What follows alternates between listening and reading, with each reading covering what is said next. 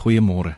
Ek wil graag 'n gedagte met u deel vanmôre en en ek vertrou dat hierdie gedagte wat ek met u deel nie net 'n mooi gedagte sal bly nie, maar ek wil 'n goddelike woord met u deel vandag. En skriflesing vanmôre is uit Rit 1 vers 1. En dit sê in die dae toe die regtes geregeer het, was daar hongersnood in die land. Daarom het 'n man uit Bethlehem Juda weggetrek om as vreemdeling te vertoef in die veld van Moab hy en sy vrou en sy twee seuns. En ek wil 'n bietjie met u praat oor hierdie gedeelte. As ons kyk na die betekenis van die woord Bethlehem Juda, dit beteken huis van brood.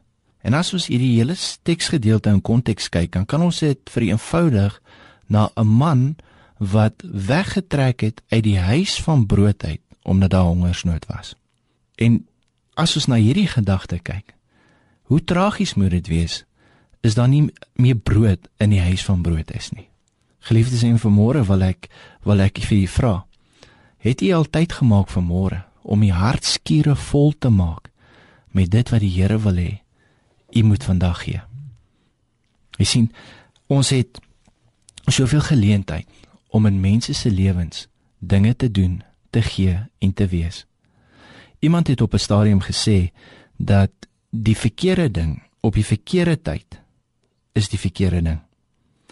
Die regte ding op die verkeerde tyd, dis ook die verkeerde ding. Die verkeerde ding op die regte tyd, dis ook die verkeerde ding, maar hoor hier, die regte ding op die regte tyd. Dit is die regte ding.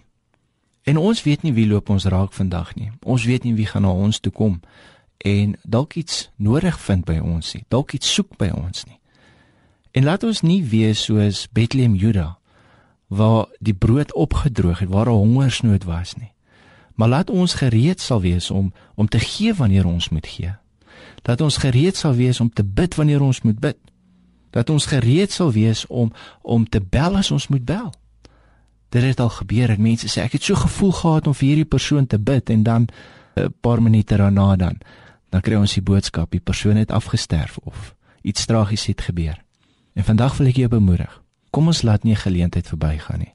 Kom ons maak ons hartskiere vol en ons vertrou die Here sodat ons nooit sonder brood sal word nie.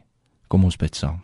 Vader, ons maak ons oop om ons harte te vul met u woord, die brood van die lewe. Daarom vra ek, Here, dat ons altyd bereid sal wees om te gee soos wat u wil hê ons moet. Amen.